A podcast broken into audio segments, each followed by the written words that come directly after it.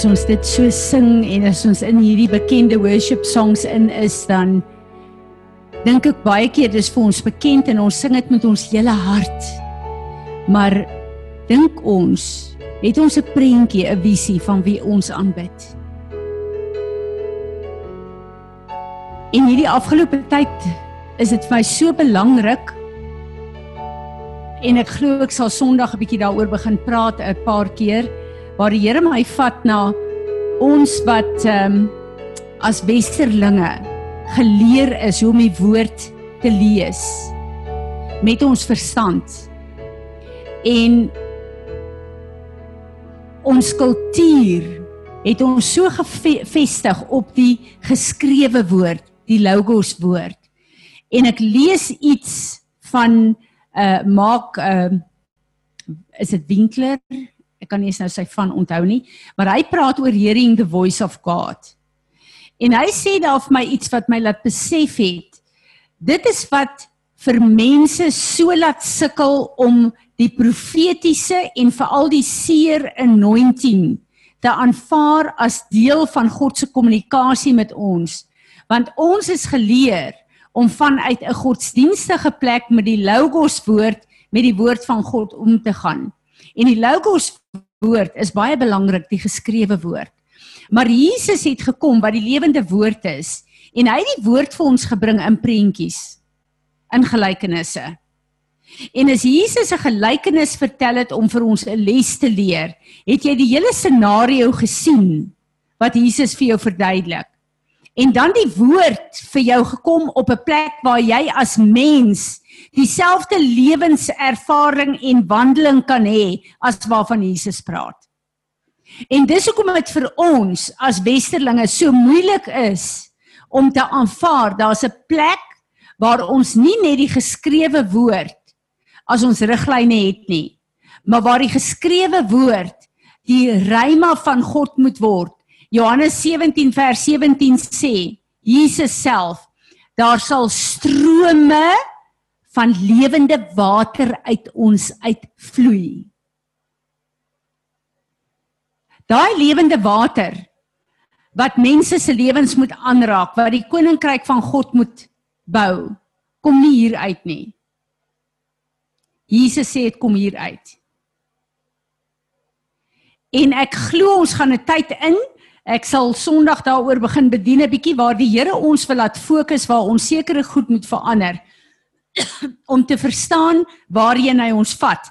As julle onthou, sal julle ehm um, herinner word daaraan. Ek het 'n tyd terug, dink 'n jaar of 2 terug, het ek redelik daaroor gepraat en gesê, ons gaan op 'n tyd kom waar ons 'n ander tipe onderskeiding gaan nodig hê hier op aarde. Ons gaan moet onderskei, is ek nou in die gees of is ek hier?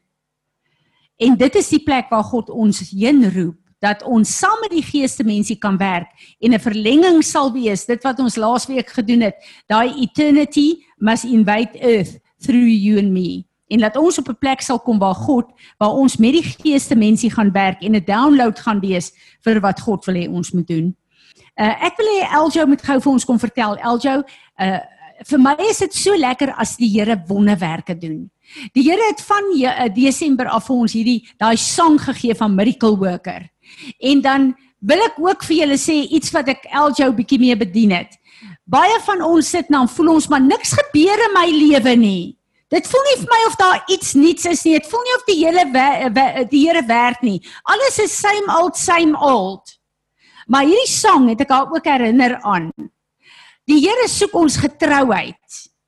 Abraham het vir jare getrek deur daai woestyngebied. Hy was getrou aan God. Abraham het nie geweet hy's besig om die grondgebied van die beloofde land vir sy nageslag in te neem nie. Want elke voet Josua 1 waar hy sy voet neergesit het, het hy grondgebied vir God ingeneem. En hy het in daai woestyn hier en daar getrek en moeilikheid gekry en gedink, "Goed, ek dien hierdie God, maar dit lyk nie of daar vreeslike goed in my lewe gebeur nie." Maar hy het in sy wandel het hy die beloofde land vir sy nageslag en ook vir my en jou geestelik ingeneem. En ek het vir haar gesê, uh, uh, uh sy is op haar plek op 'n plek waar sy voel sy's getrou aan haar dien van die Here aan die groep wat sy lei in. Maar dit lyk nie of daar vreeslike groot goed gebeur nie. En ek het vir haar gesê hierdie sang wat ons sing, wat die Here letterlik ons sang gemaak het vir hierdie jaar van Miracle Worker. Wat is daai een koor uh, gedeelte wat hulle sing? Selfs as jy dink en sien God werk nie, is hy besig om te werk in jou lewe. En ek wil dit vir elkeen van julle sê. En dan skielik begin daar 'n klomp goed gebeur en dan dink jy, "Wow, maar dis die jare se faithful dien van die Here wat jou posisioneer om jou wonderwerke te ontvang." Kom vertel gou vir ons. Die hond? Die hond het my so getref en bedien.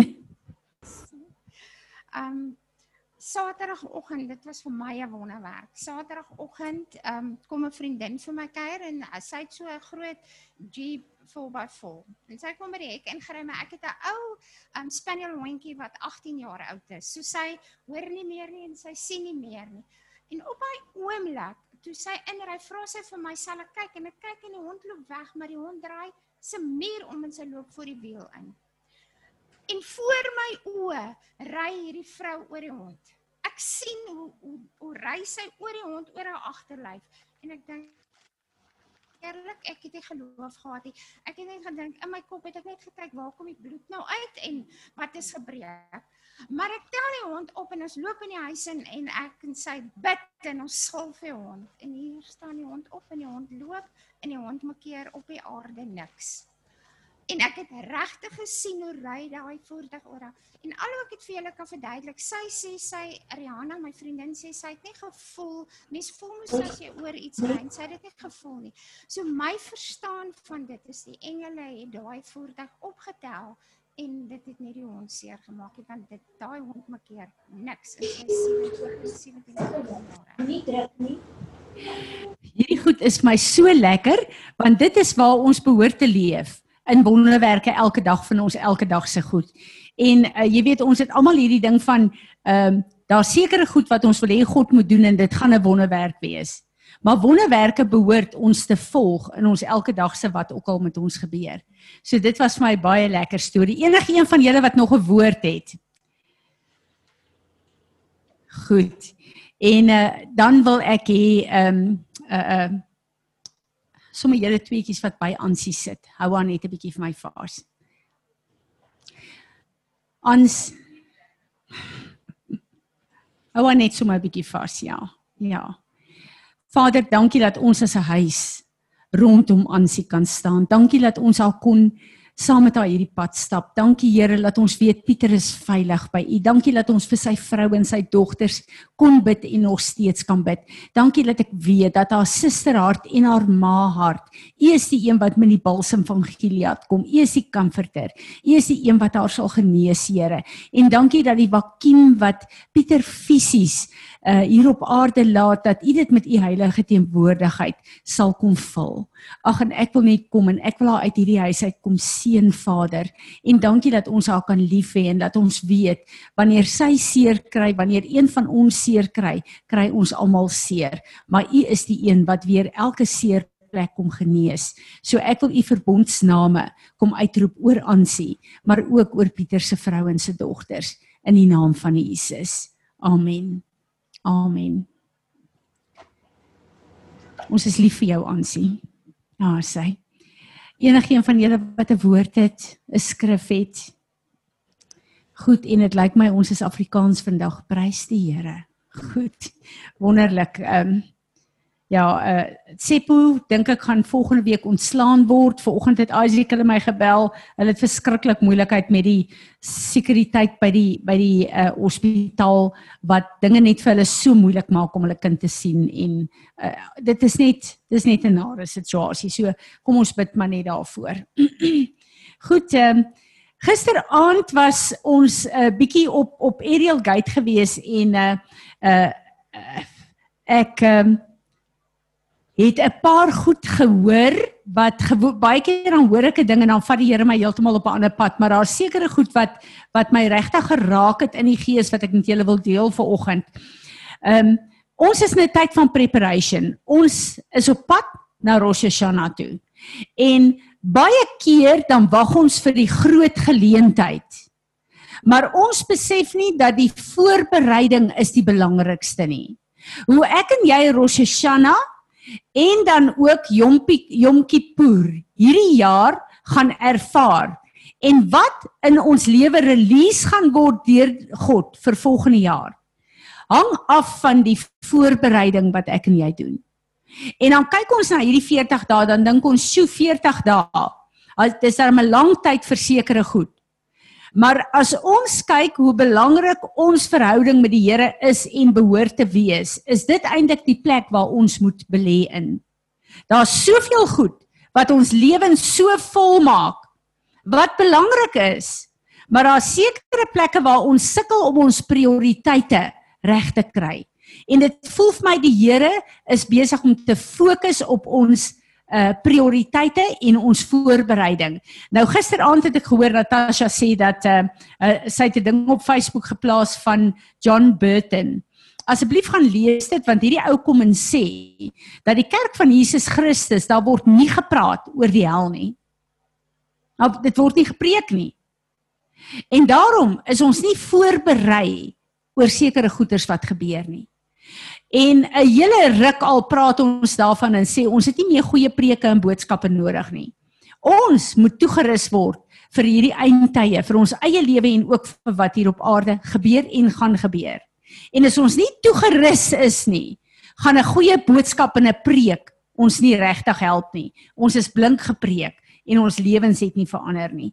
En sy daar iets gesê wat vir my uh so 'n uh, beïndruk het sy sê dat Jesus het hom so voorberei vir daai 3 jaar van bediening dat 99% 90% nee, van sy hele lewe is daaraan toegewy. En vir die eerste keer sien ek dit raak.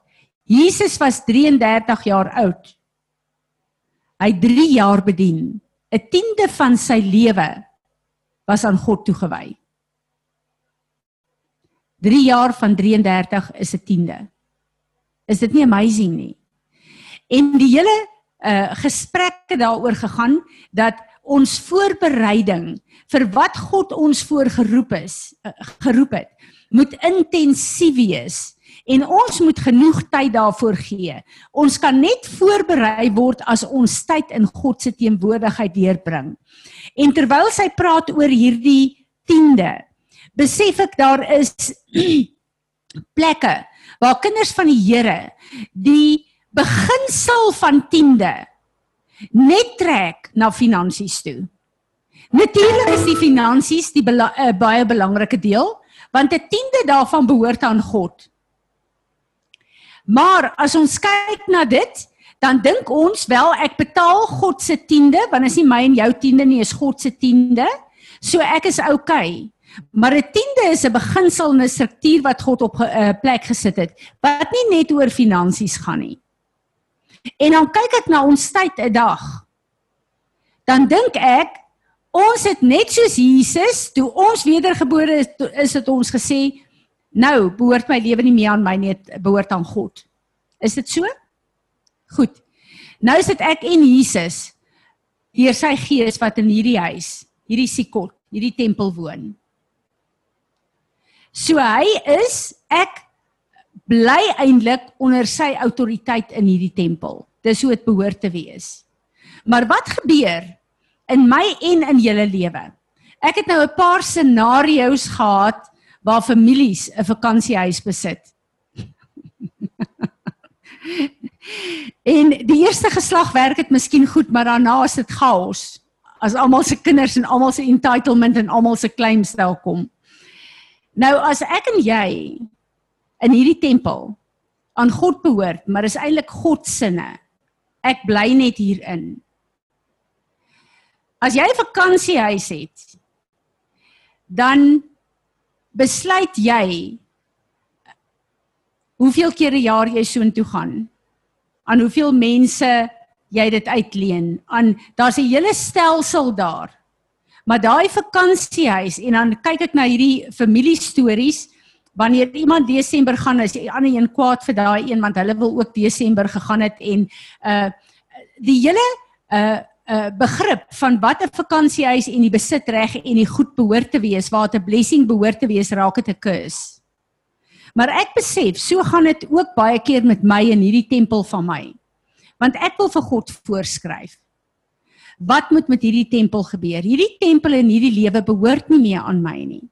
Ek is 'n steward van wat God my geroep het. Maar my grootste probleme kom omdat ek nie my stewardship vat nie. Ek wil eienaarskap behou. En dan ek sekere goed in my lewe en ek laat mense toe om sekere claims op my lewe en my tyd te hê. En wanneer die Here syne moet hê wat hom toekom, is daar nie tyd vir hom nie. En ek besef hier is 'n beginsel wat die Here vir my Fransie van Wyk voor moet help. Want ek sit voor die Here en iemand wat ek baie bewonder het in die gees is Neville Johnson. Hy was 'n mentor van my, maar sy verhouding met die Here het vir my 'n jaloerse yearning gegee om op daai plek te kom. Dis nou 'n goeie jaloerse, nie 'n slegte een nie. En een keer toe ek vir die Here sê, Here, ek wil op hierdie dimensie kom. Toe sê die Here vir my, Fransie, jy spandeer nie tyd by my wat Neville by my spandeer nie. Daai man het my die reg gegee om daai tempel op te rig en te gebruik soos ek hom gebruik het. En daar's geen uh verskil tussen hom en jou nie, maar dis so, soveel soos wat jy my toelaat om besit te neem van julle. Soveel julle dit toelaat sal ek dit doen. So uh jou begeerte om daar te kom, is jy bereid om daai prys te betaal wat Neville betaal het daarvoor? En daai prys is tyd by God. En ek besef net dat die Here moet iets in my kop kom doen om my te laat besef dat ek en hierdie liggaam is nie Fransie van Wyk se nie. Ek het dit gegee toe ek Jesus aangeneem het. En daar's te veel plek waar ek eienaarskap neem en nie stewardship van sy eiendom wil doen nie. En wanneer jy eienaarskap het, dan is jy die een wat beheer oorneem. Maar as jy 'n steward het, dan luister jy vir die eienaar. Wat moet jy doen met die gebou wat jy steward? En my stewardship in finansies is spuik. Maar my stewardship van God se eiendom anderste is nie op plek nie. En ek kan dit sê vir elke een van julle. Dis nie op plek nie. Dis nie net ek nie en ek sê nie dit om julle te accuse nie. En die Here sê dit nie vanoggend vir ons uit accusation uit nie. Die Here wil vir ons 'n sekere klompie beginsels gee om 'n paar ander keuses in ons lewe te maak. Om hom die vermoë en die platform te gee om te doen wat hy gedoen wil hê in ons lewens. Hierdie is 'n huis van leiers. Ons is 'n warrior bride van Jesus Christus maar dit gaan nie uit die lug uitval nie. Ons moet strategie kry, persoonlik en vir hierdie huis, vir ons gemeenskappe, vir ons families. Daai strategie kan jy net kry as jy by die strateeg gaan sit.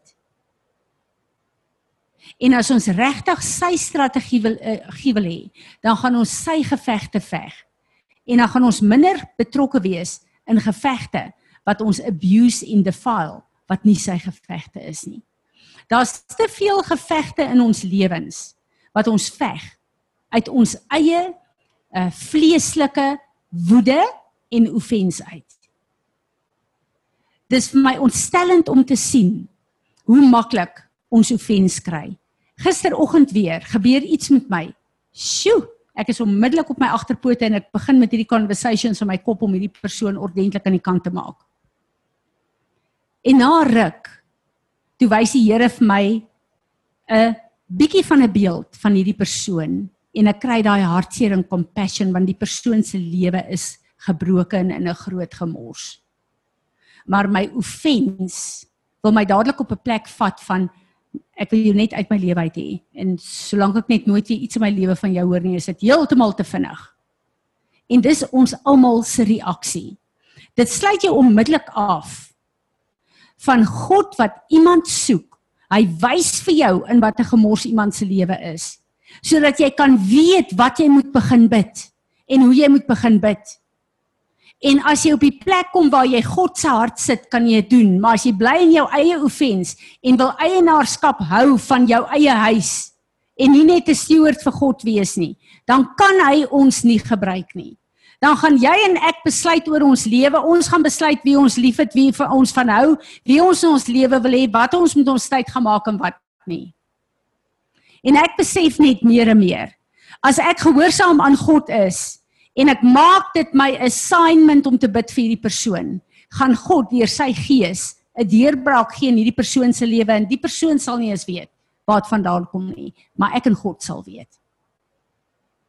En ek dink die Here is besig om ons almal se gedagtes te verander. Ons het geskree almal remnant remnant. Wonderlik, ons is deel daarvan. Maar hoe gaan hierdie remnant lyk like en uh, en funksioneer? soos God wil, nie soos ons dink nie. Ons het 'n klomp godsdienstige goedjies wat goed klink wat ons op plek wil sit van hoe ons behoort te funksioneer. Maar as ons effektief gaan wees in hierdie wêreld, is dit by die gebroke mense. Die mense wat God wil heel maak. Want ek wil vir julle een ding sien wat ek in die lewe geleer het. Mense wat gebroke is. Almal van ons wat hier sit het 'n plek in ons lewe waar ons gebroke is en was. Dis die gebroke mense wat God vasgryp vir genesing wat God verragtig kan gebruik. Want daai skrif wat sê, hy wie baie vergewe is, het baie lief. Dis die waarheid. Ek en jy wat weet wat God in ons lewe gedoen het.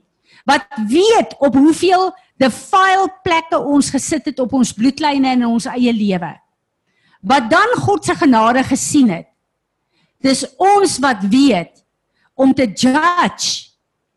Bring 'n mate terug oor jouself. En as iemand jou gejudge het in plaas van vir jou gebid het, sou jy nie kon deurbreek nie. So wat gebeur as God ons wat weet waaroor dit gaan kan skoonmaak en kan oprig en kan gebruik as instrumente om 'n gebroke wêreld wat verlore gaan in te bring in die koninkryk van God in. En is maklik wanneer ek hier staan en praat daaroor. Dis maklik want ek is onder die salwing van die Here. Maar as ek net nou hier af klim en ek word weer offend, dan sukkel ek weer van voor af met die ding. Dan moet ek weer dieselfde keuses nie goed maak. Maar ek en jy het 'n keuse. Gaan ons dit doen en gaan ons God toelaat om dit te doen? deur ons. Toe ek gaan kyk het na die 10de en ek besef dat ons is net gefokus op 10des van finansies en ek die belangrikheid van 10des van finansies weet ons almal hier. Ons sien dit, ons ervaar dit. Maar 'n 10de van ons tyd ook. Bring dit vir my by die first fruit beginsel. Soveel kere in my lewe as ek in 'n besige tyd ingaan en jy iets gebeur dat jy nie jou normale tyd van die dag by die Here het nie. Dan loop my hele dag skeef, my hele week loop skeef, my hele en ek het ontdek ek weet jy kry oggendmense en aandmense. Ek weet jy het sekere tye wat jy kinders het wat jy ehm um, wat dinge net moeilik gaan, wat jy nie vroeg in die oggend kan opstaan nie. Maar of jou vroeg in die oggend 9:00 in die oggend is of 4:00 in die oggend is, Al stap jy en jy gaan borsel jou tande en jy begin die Here loof en prys en sê Here, in hierdie oggend, hierdie eerste minute wat ek wakker is, kom ek en ek kom eer U daarin en ek lig U heerskappy op. Dit vat jou nie 'n minuut om dit te doen nie. Maar dis 'n first fruit. Hoekom het Jesus vroeg terwyl dit nog nag was opgestaan om te gaan bid? Want hy het geweet as hy God in die eerste van sy minute erken, is daar first fruit beginsel. Efesiërs 1 vers 14 sê: As jy die eerste kom en jy eer God daarmee, dan kom hy in 'n align die res daarvan onder sy orde. En ons het God se orde in ons lewe nodig. Ons het sy teenwoordigheid in ons lewe nodig. Hierdie is so belangrik en ek wil julle letterlik uitdaag en vir julle sê. Maak nie saak of jy tyd kry of nie. As jy in die oggend opstaan sê vir die Here heel eerste môre En of jy toilet toe stap of jy badkamer toe stap of jy tande gaan borsel of jy gaan wat doen, as jy nie tyd het om nou te gaan sit net tyd by die Here deur te bring nie, bring daai eerste en sê Here, hierdie eerste minute ek kom eer U want U is die een wat my voetstappe in hierdie dag gaan rig. U is die een wat ek in die teenwoordigheid uh van wat ook al vandag met my gebeur elke so, uh, sekonde wil hê. Ons het nie nodig om godsdienstig te raak. Ons tyd met die Here is awesome veral as jy dit vroeg in die oggend kom doen. Maar moenie toelaat dat dit vir jou 'n ding wees, o, ek het nou vir oggend nie gelees en gebid nie, so uh, uh ek is nou nou skuldig. Nee, los daai ding uit, maar maak 'n gewoonte daarvan om die eerste minute van jou dag God te honor en vir hom 'n first fruit te gee, 'n eerste plek in jou lewe te gee. Uh erns in hierdie tyd het het Natasha ook weer gepraat. Ons het al gepraat oor daai uh Talita Kum. Julle ken Markus 5, die storieetjie van Jairus se dogtertjie. Jairus was 'n uh, priester gewees, uh, een uh, een van die hoofde van die sinagoge gewees. En uh, ons ken almal die storie van die dogtertjie wat gesterf het en Jesus wat gekom het en uh maar die verstaan wat die rabbies vir jou gee van wat daar gebeur het is nie die dogtertjie se naam was nie Talita nie. Maar Jesus het gesê Talita kum. Hoekom het hy vir haar gesê Talita? Die priesters wat gepreek het in die sinagoge, hulle het hulle prayer shawls aangetree, nê, nee, hulle talit aangetree. Hulle het met die talit oor hulle gepreek en geleer in die sinagoge met daai tosseltjies. Dan was dit die gebruik van hulle kindertjies om hier by hulle pa te kom sit Julle weet mos Piet sal nou weet. Baie keer dan kom 'n kleintjie en klou soos 'n aapie aan die pa se been vas en en die kleintjies het terwyl hulle paas in die sinagoge gepraat het, het hulle daar onder die talit gespeel by hulle pa se voete. Dis 'n gebruik in die Joodse kultuur. Ek het nooit geweet voordat ek hierdie uh uh lering voor sy hierdie lering gebring het nie. En omdat sy die priester se dogtertjie was, was die gebruik dat sy onder die talit gesit en gespeel het elke keer as haar pa in die sinagoge gepreek het.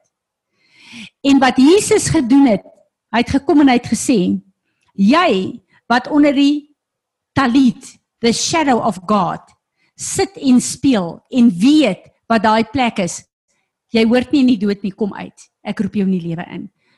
Jy wat onder die talit is, kom uit terug na die lewe toe." Sjoe, hoe salwing voel ek. En ek bid dat die Here ons sal help. Laat ons bewus sal wees daar sekere goed wat ons doen. Die beginsel van die 10de, die beginsel van die first fruit geestelik, nie wat finansies betref nie. Positioneer ons to be under the shadow of the almighty. Nie die ure wat ons in sy teenwoordigheid spandeer nie.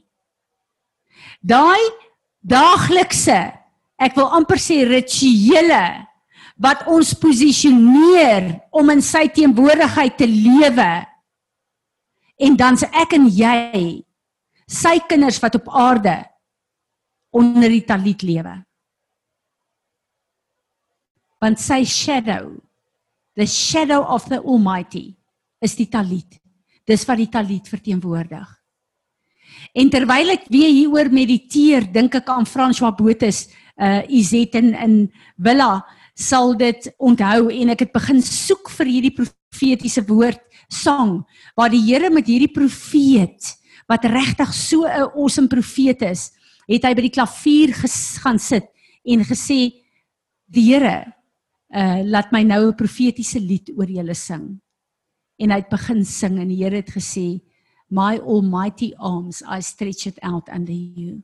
En God het daai dag gesê Hy sit sy talit, sy shadow onder oor ons vir wat ons moet doen hier op aarde. En ek het so bewus geword van daai profetiese sang wat God vir ons laat skryf het. En ek besef die goed wat ons kan doen in hierdie huis, wat God ons toelaat om te doen, is omdat ons onder die talit van God lewe en woon. Is dit nie amazing nie julle? So hierdie fisiese goed wat God vir ons gee op aarde is regtig waar goed wat ons kan aanvat, maar wat ons kan laat besef dat ons het 'n lewende God wat 'n hele geestelike orde ook vir ons gegee het om aangehoorsaam te wees. En elke keer as ons hierdie geestelike goed, die fisiese goed vat en dit doen, is daar 'n geestelike implikasie. En as ek dit sien, as ek dit doen, dan besef ek hierdie is vir my 'n kontakpunt in die fisiese wat 'n geestelike ding vir my oopmaak. En ek onthou so goed ek het 'n lieflike talit, maar ek het dit weggepak omdat ek so geïrriteerd geraak het met die Joodse mense en die Christene wat meer Joods wil raak as hy en ek het net besef ek gaan my talit uithaal weer. Ek gaan my talit uithaal en ek wil my talit aanvat en sê Here, hierdie is nie 'n Joodse ding nie. This is the shadow of the Almighty. Ek bid dat die Here ons in hierdie tyd sal kom praktiese strategieë gee om hom 'n groter realiteit in ons lewe te maak. Want ek besef ons is so gefokus om die logos woord te lees wat goed is, wat wonderlik is. Ek love die woord van die Here. Maar daar's 'n plek waar die woord vir ons moet verander waar jy jou persoonlik in die woord kan plaas. En waar as die Here praat oor iets, jy die prentjies moet kan sien. Jy met jouself kan plaas in daai plek. En ek dink daaraan dat wanneer ons lees Dawid se Psalm, sê nou byvoorbeeld, ons het nou baie op hierdie ding vasgevaak. Piet was ook daar gewees. Psalm 91. To dwell in the presence of the Almighty. Kan jy sê is it dwell in the presence of the Almighty? Hoor julle wat ek sê? Ons moet onsself begin insit want daai woord is persoonlik vir my en jou geskryf. En daar's plekke waar ek en jy ons in die woord moet insit en die woord moet lees persoonlik vir my en dan daai prentjie kry met wat God sê. Bekende skrif, dis 'n kragtige skrif maar e, baie van ons se pet, pet scripture ook is uh, Jeremia 29. My gedagtes oor jou is gedagtes van voorspoed en nie teëspoed nie maar lees ons dit om te sê Fransie God sê Fransie is op sy gedagtes. Dis net of ons dit lees en dis awesome maar maak ons dit so persoonlik dat ons onsself persoonlik daarin sit en besef maar God het hierdie woord vir my persoonlik geskryf. En al was Fransie alleen op aarde gewees dan was die Bybel net vir my gewees En ek besef ek sien dit nie so nie. En dis of die Here wil kom en sê die persoonlike verhouding met wat ek met julle elkeen het, ek wil julle in 'n nuwe dimensie inbring. En dan kan ek hier kom en sê Here, ek wil, maar leer my hoe. Leer my hoe om dit te doen. Leer my om U waaragtig die Heer en Meester, die eienaar van hierdie huis te hou. En leer my om myself te humble om die steward te wees van wat u in en deur hierdie huis doen. En dan al die klomp goed wat ek illegal en uit protokol uit in hierdie huis doen en inbring. Wys dit vir my laat ek aan repenting kan stop. Enige een van julle wat 'n woord het, Piet, wat sien jy? Iset, kom, Piet.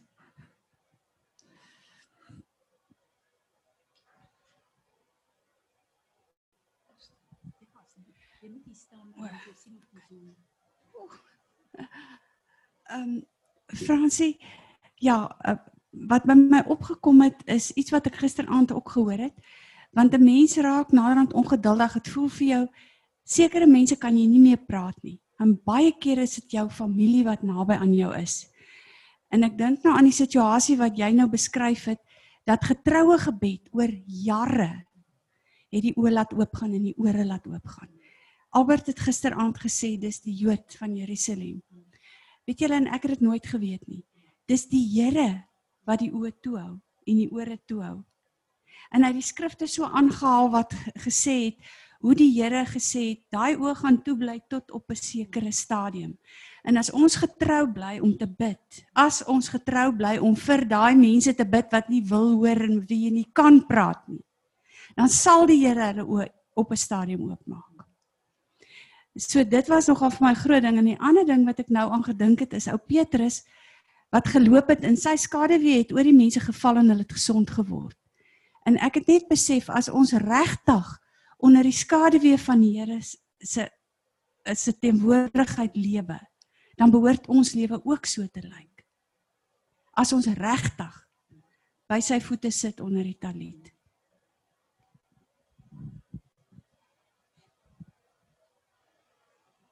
Jy moet ook hier staan dat jy kan sien.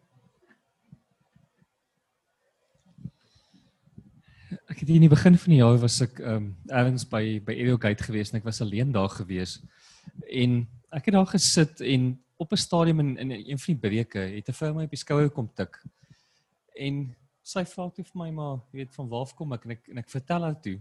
En sy vertel my toe 'n baie interessante storie. Hulle was die mense gewees wat hierdie kerkgebou gebou het. En hierdie een En ehm uh, sy vertel my toe, jy weet hoe hoe sy nou man hierdie jy weet hierdie gebou begin het. En ek sê te vir oom, maar ek meen dit dis die gebou waarin ons in is. En ek vertel vir haar, jy weet wat besig is om Botawil te gebeur en sy sê vir my maar dis eintlik baie interessant want toe hulle hierdie gebou begin bou het, het hulle ook die Christen Forum groep op die been probeer kry. Net so van die ehm um, en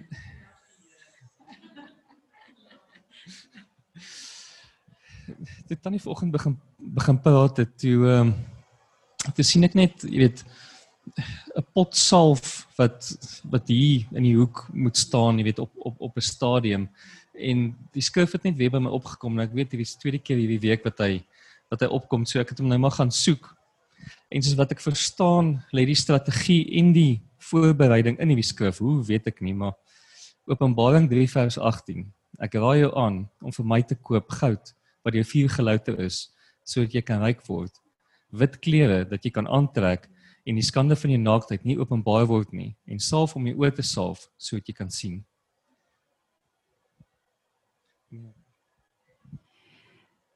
Ek het hierdie skrif 3 of 4 keer hierdie week vir mense gebid. Wat die Here gesê het, ek moet hulle salf en vir hulle bid. Wat ek ervaar is die Here sê ek moet elkeen van ons salf en sê Here, Ons kom in geloof. Ons kom koop van hierdie oogsalf. En ons wil vra maak ons oë oop vir hierdie tyd, dit wat U het gesê het. God hou sekere goed toe tot 'n sekere tyd dat ons kan sien en kan hoor wat die Gees van God vir ons sê. Amen. Amen. Welkom vorentoe.